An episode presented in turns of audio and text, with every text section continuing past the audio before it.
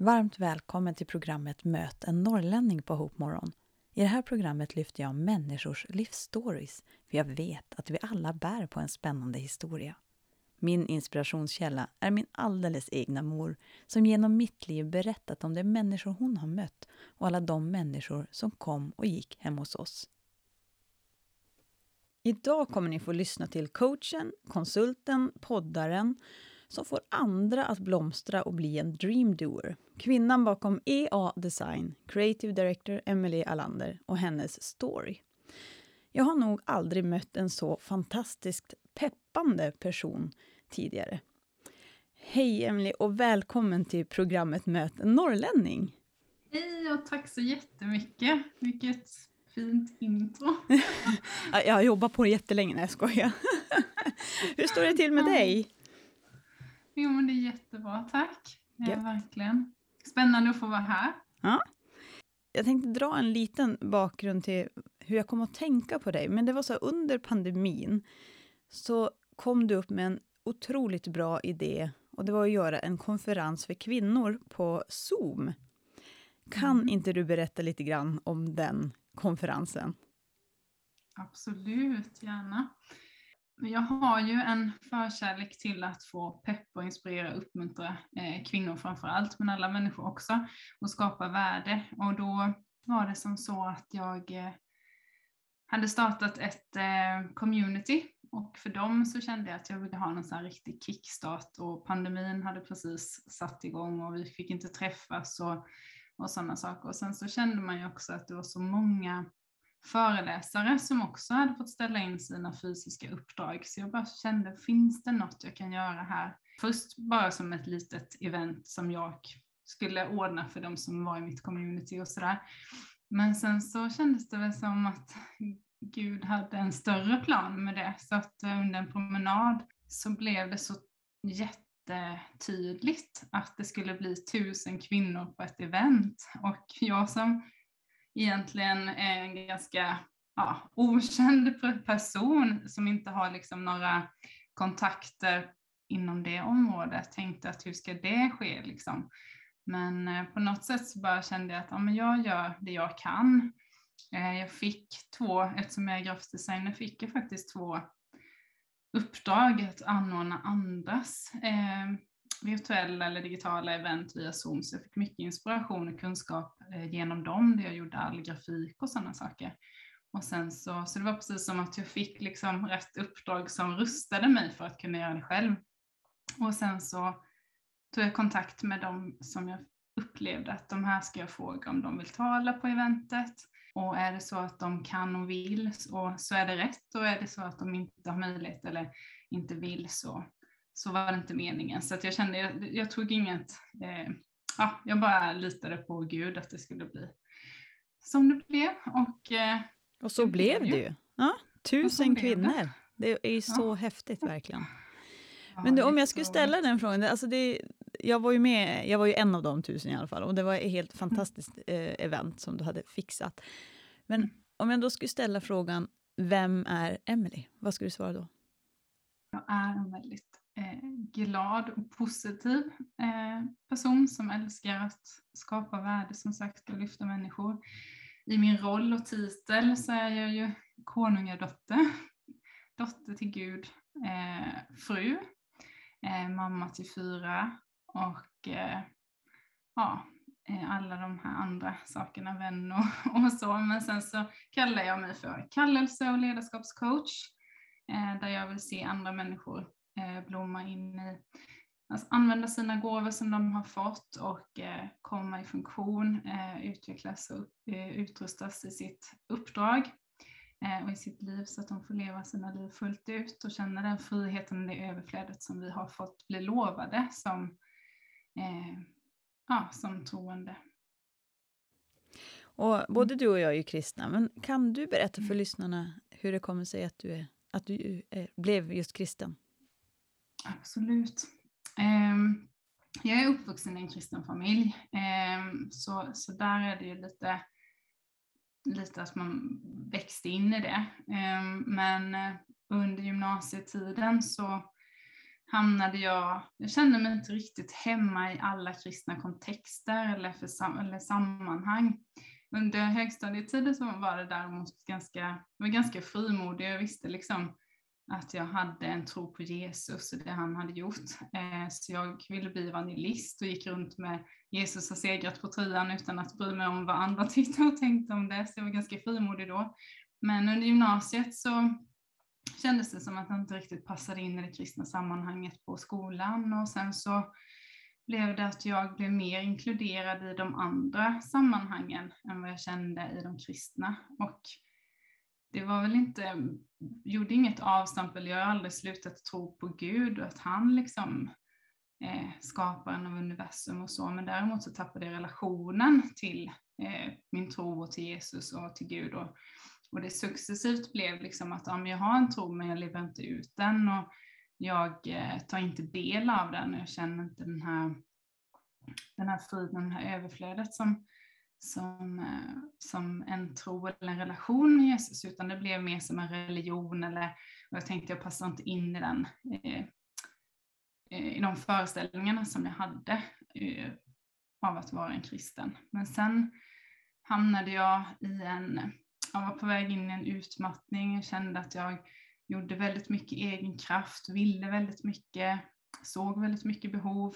Eh, och till slut, jag hade en, en mentor som, eh, eh, som var kristen eh, av en händelse, men det var ju Guds ledning i det så här efterhand, men då var det eh, inte för att hon var kristen utan mer hon bara såg hur jag kämpade och sa kan jag, kan jag be för dig? Och jag sa visst, jag gör vad du vill, bara jag slipper liksom känna den här tyngden som jag kände.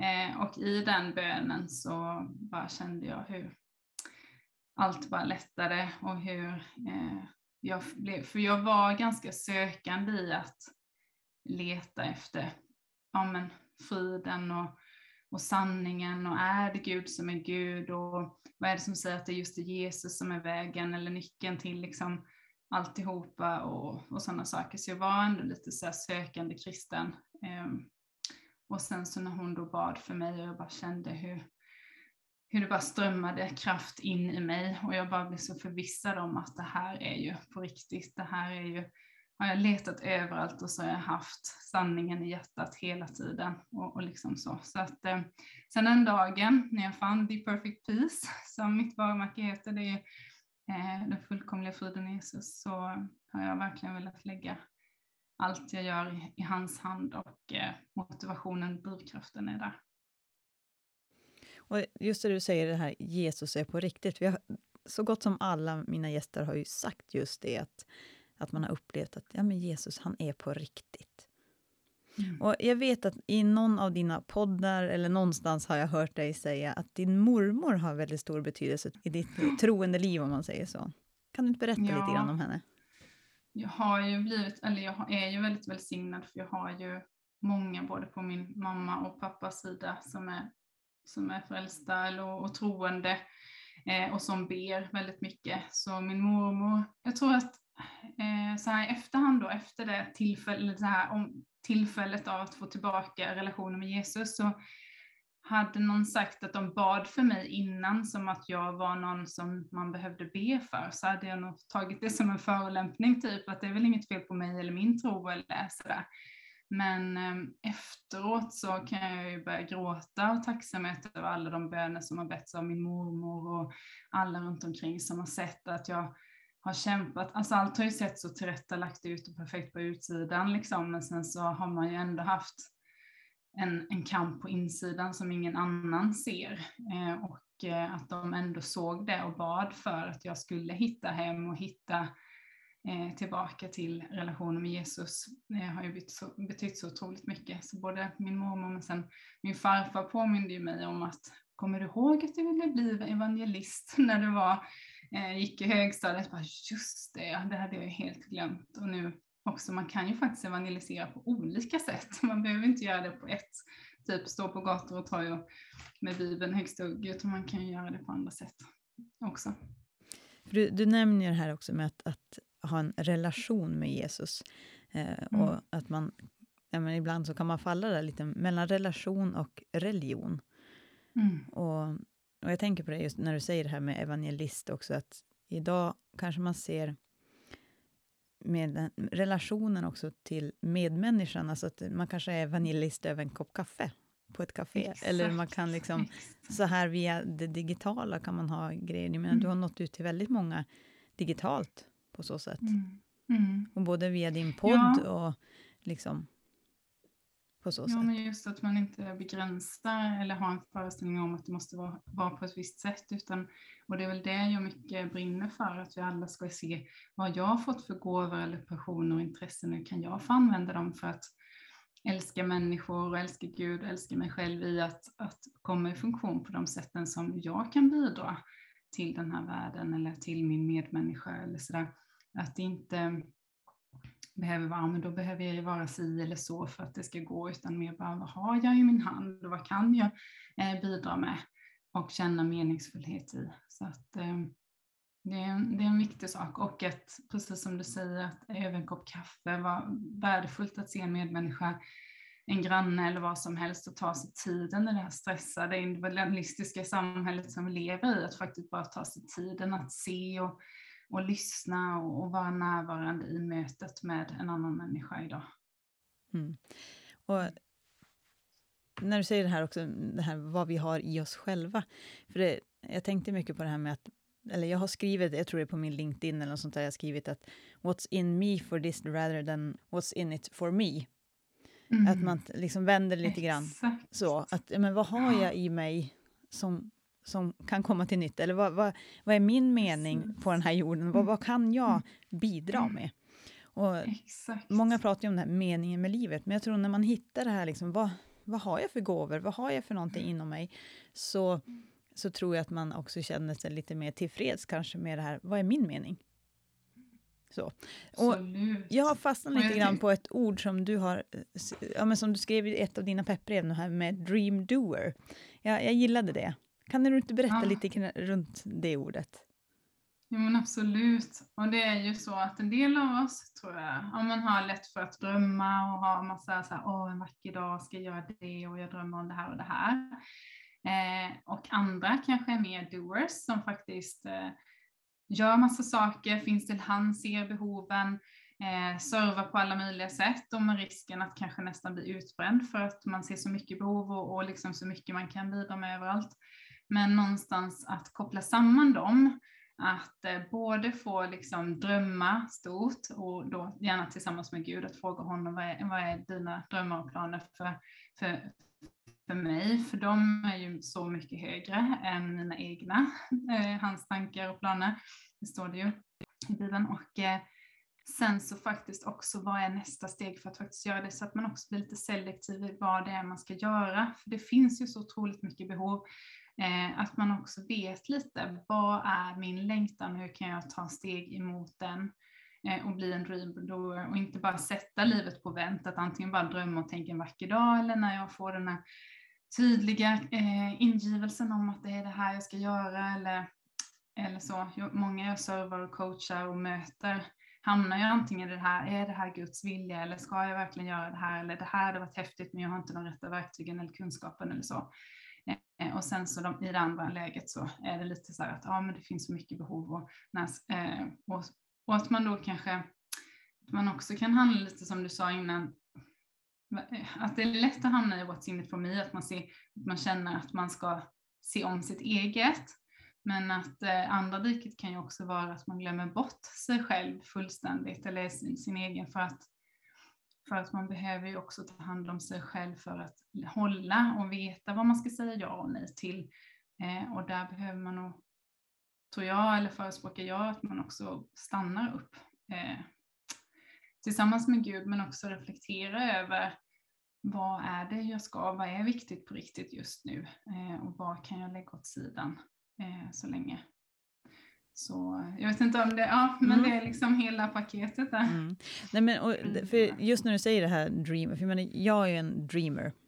Jag tror jag Mm. har sju stycken anteckningsblock igång samtidigt, där jag liksom bara skriver ner alla mina idéer. Men ibland är det så skönt att bara få ur sig dem. Och man kanske inte, jag kanske inte kommer göra någonting med dem, eller så ger jag bort dem till någon annan. Mm. Men, men att bara få ur sig dem ur systemet på något sätt kan vara ganska skönt Ja, på så sätt verkligen. Och det var ju lite därför jag, jag, jag älskar ju också anteckningsböcker och sånt, så jag skapade ju en, en livsdesigner, ett planeringsverktyg som, eh, som handlar just om de här delarna, att både konkretisera sina drömmar eh, och sen också eh, titta lite på sitt, sitt livshjul, de här delarna av hjulet som livet som behöver eh, rulla för att det ska funka livet. Och sen så också lite vad ska jag fokusera och prioritera just nu och vad är hindren, vad är rädslorna som står i vägen, hur kan jag skapa strategier för dem? Eh, till exempel bibelord som, som eh, säger att nu, ja men som talar sanning in i, i eh, de rädslorna. Så att, eh, att faktiskt ha någon form av anteckningsbok en bok eller verktyg att få ner det på gör ju att man inte behöver ha allt i huvudet heller utan då kanske man kan fokusera på en sak i taget. Eller ett par saker istället för alla samtidigt. Ja, för och att man tar action på något istället för att bara drömma. Och ha, eh, för det är ju också risken då att man har så mycket drömmar att man kan bli frustrerad över vad, vad ska jag göra nu då av alla dessa drömmar. Exakt. Och det där kan jag ju känna mig själv också. Att jag, man står nästan och stampar och så blir ingenting gjort bara för att jag drömmer så Mm. mycket. Eh, Mm. Och jag liksom kan inte plocka ner de här visionerna eller drömmarna som jag har eh, på så sätt. Och det är som, som du säger, du Mm. har ju jättefina verktyg där på, på din hemsida man kan liksom ta del av och liksom få ner sina drömmar och konkretisera dem och liksom, som du säger. Det. Jag tror det är viktigt. Ja, men det är en Och bra även, hjälp. Ja, och även för ibland kan vi vara duktiga på att kanske ha en dröm eller ett mål och sen flyttar vi det framför oss hela tiden så att vi kommer aldrig i mål för att där vi var för ett år sedan eh, tänker vi då på vad vi är nu till exempel eller för tio år sedan som jag pratade om i podden häromdagen. Eh, tittar vi på hur livet såg ut då så ser vi att det har hänt massvis med häftiga saker, både saker som vi kanske inte ens har vågat drömma om och som vi har drömt om. Men att faktiskt också titta tillbaka och tacka Alltså vara tacksam för allt som har skett. Eh, och även de smärtsamma sakerna kan Gud använda till något fint, även om inte det var liksom tanken från början att det skulle, skulle vara någonting som var smärtsamt, så, så kan det ändå få komma ut och blomma ut och bli någonting värdefullt. För jag menar, Ja, livet också. är ju där och livet Ja. har ju sina, eller var, var dag har sina Mm. bekymmer som det står. Och, och just Ja. det här att, att kunna möta de här bekymren ändå, men ändå komma kanske starkare igenom eller liksom man vet att livet kommer på något sätt möta mig. Men, eh, Verkligen. och vad gör jag då med mina kanske drömmar eller vad, hur, hur ska jag ta mig igenom de här eh, sorgen eller vad det nu må vara som, som möter en på så sätt. Mm, men du, en helt Mm. annan grej. Jag läste att du är från Sävsjö. Stämmer det? Ja, Ja. det stämmer. När jag tänker Jag är från Sävsjö... Frista, men det är i samma kommun Där- jag bor i Sävsjö nu. Ja, just det. Men Sävsjö, då tänker jag på en husvagn. Just det, Mm. precis. Det har vi haft. Sävsjövagnen. Mm. Det är ganska långt här är uppifrån Norrbotten till Sävsjö. Nu har jag inte kollat upp hur många mil det är. Har du varit någon gång här uppe i norr? Nej, inte mycket faktiskt, men jag ska föreläsa på ett kvinnoevent, ett fysiskt. Nu äntligen får vi börja mötas fysiskt igen och det är i Rättvik, men jag vet inte hur långt upp det Ja, det är. var långt Det. Du får komma till kvinnokonferensen i Skellefteå istället. Det hade varit bra. Ja, Det är närmare. Gärna. Det skulle vara jätteroligt. Mm. Mm. Nej, men det, det, det är så roligt det här när man, man ser också liksom att man ändå kan... Eh, just det här med, med, med sin kristna tro på något sätt, när man flyttar till nya ställen. För jag, menar, jag, jag tog mig ner till Uppsala ett, ett kort tag. Eh, Och Mm. just det här att som troende så känns det som man ibland att det är rätt skönt. Det, så kan det vara även om man är med i en förening, man håller på med sport eller någonting. Att jag kommer till ett nytt ställe, jag kanske letar upp en kyrka eller förening eller vad det nu är Mm. och Mm. bara hittar människor som bär på samma längtan på något sätt. Mm. Precis. Har, du har alltid bott i Sävsjö eller har du, har du varit och rest runt Nej. omkring i något? Jag är ju en, alltså, jag gillar ju att tänja på gränser och ut, alltså utmana mig själv. Så när jag, när jag tog studenten så flyttade jag först till Jönköping, och sen, eller till Huskvarna, och sen flyttade jag till Stockholm och bodde där eh, fem år. Eh, och sen blev det att jag blev ensamstående med min flicka och då flyttade jag hem till, Eh, till mamma och pappa, eller men till Vrigstad då, där min eh, familj är. Och sen träffade jag min drömprins efter några år senare eh, och, och, flyttade till Sävsjö. Så, det, så jag behövde nog komma jag har hört ett uttryck som, som är så sant. Ibland behöver man komma vilse för att hitta hem. Och det gäller ju inte bara geografiskt utan också även andligt eller liksom i min tro. Att ibland kanske det är så i livet att eh, saker händer och man hamnar vilse utan att man har Oftast så är man ju inte medveten om att man är vilse förrän man faktiskt är medveten om det. Och sen så liksom att det också blir vändpunkten i att hitta hem, eh, förståelsen i att vara vilse. Så, att, eh, eh så är det väl lite nu när jag har flyttat hit också. Att, och att det digitala, för att jag gillar ju den här storstadspulsen, gillar så här människor och möten och, och samtal och puls och så. Men att även om det inte är så jättemycket här, i och för sig igår var det massvis med folk på stan för att då firade vi eh, 75 år här i Sävsjö. Så att då var det, alla hade letat sig ut så det var jättehärligt. Men, men an, annars så gillar jag ju det digitala forumet där vi kan mötas, där jag har samtal med tjejer från både, alltså svensktalande tjejer som har hittat till mig och till vårt nätverk både från USA, Finland och eh, eh, Schweiz. Men de, majoriteten är ju i Sverige, men de är ju över hela vårt avlånga land och det gör ju också att man kan mötas även om man sitter hemma. Eh, och man kan bli förtrolig eller komma nära varandra när man ser varandra på Zoom och hör varandra och få mötas i både det, det liksom vardagliga livet i glädje och eh, men ups and downs men också i, ja, i längtan och i drömmar och, och sådana saker som man får ta tillsammans. Mm. Och jag tänker just när du säger att gå vilse för att hitta hem, så eh, just här innan pandemin så sa jag upp mig och sen så har jag kämpat på nu här i två och ett halvt år och sen i torsdag så eh, gick jag tillbaka till mitt jobb som jag hade haft i åtta år. Och mm. så hör kunder av sig och så säger de välkommen tillbaka hem till familjen, säger de. Och det, det, det är lite härligt ändå när man får den där som du säger, man, man är ute och är lite vilse kanske och sen hittar man hem. Ja, att inte det behöver vara något nederlag för att man, alltså, eller någonting som man känner är ett misslyckande, utan istället kan det vara det som gör att man faktiskt ser att men jag trivs ju här. Jag tänker också med min hemförsamling, eh, har också varit en sån plats som jag tog kanske för givet under uppväxten, och jag kände mig så hemma där liksom, för uppväxt, men sen så liksom var man borta under många år.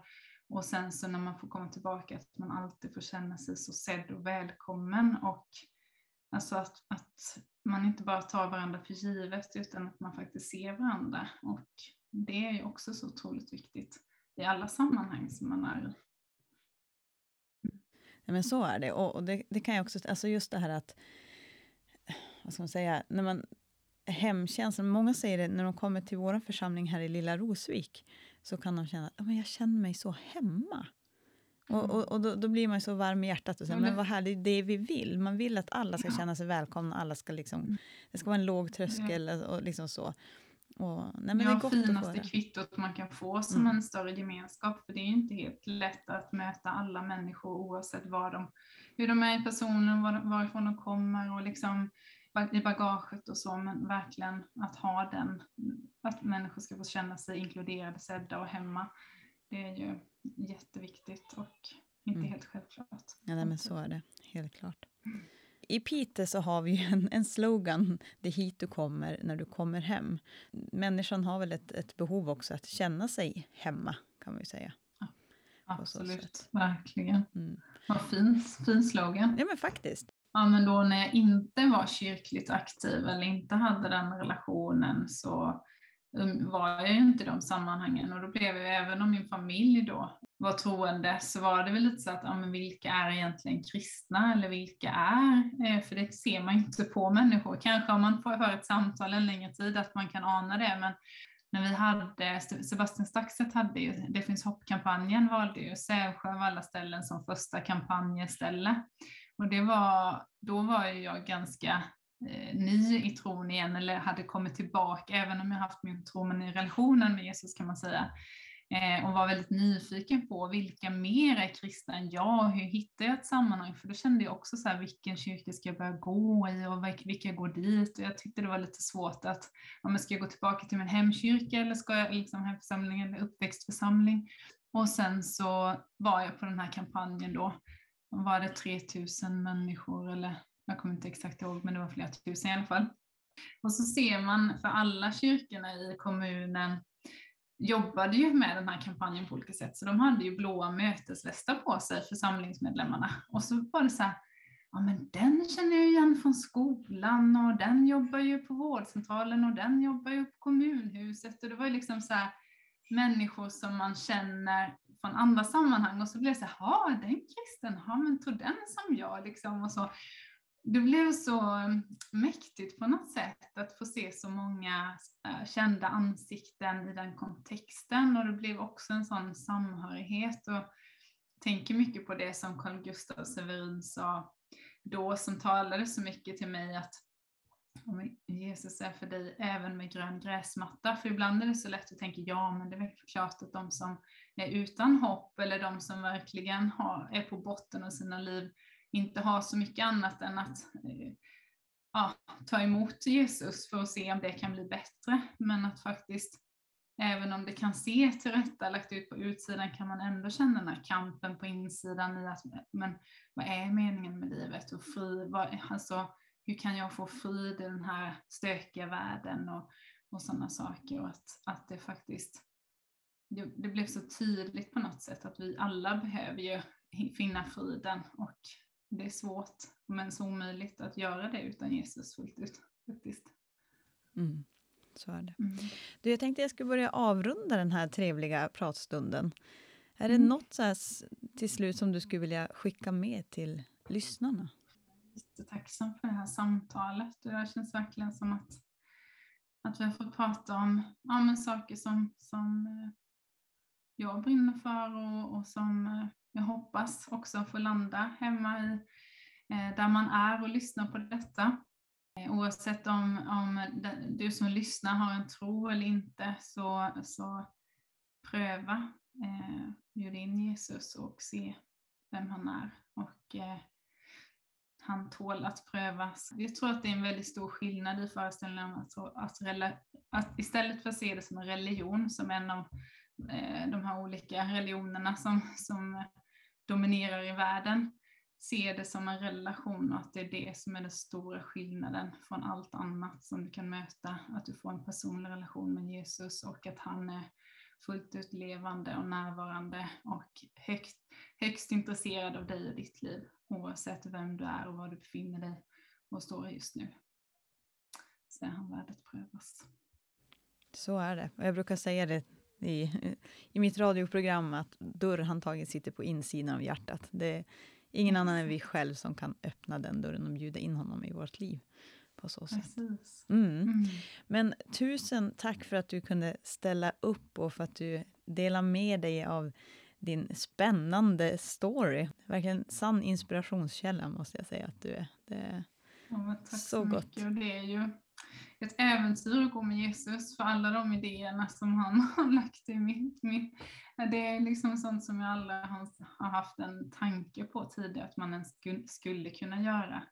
Så det är också så här häftigt i att, att få de där idéerna och, och drömmarna och sen tänka att det här ska, kan jag inte göra och sen ändå lita på att ja, men jag gör vad jag kan och så vill Gud göra resten och så lita på det. Eh, och sen behöver vi ju varandra som människor också och be om hjälp och kroka arm och ha människor som stöttar och peppar oss när vi ska gå, gå läskiga steg. Eh, så tack så jättemycket för att du bjöd in mig och för att vi fick ha det här fina samtalet, Kristina.